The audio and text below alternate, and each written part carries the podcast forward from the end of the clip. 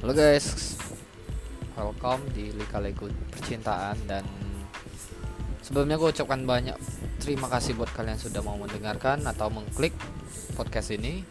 Dan di sini gue bakal membahas soal Lika Lego cinta. Mungkin dimulai dari kisah cinta gue ya karena gue juga punya kisah cinta yang lumayan menarik.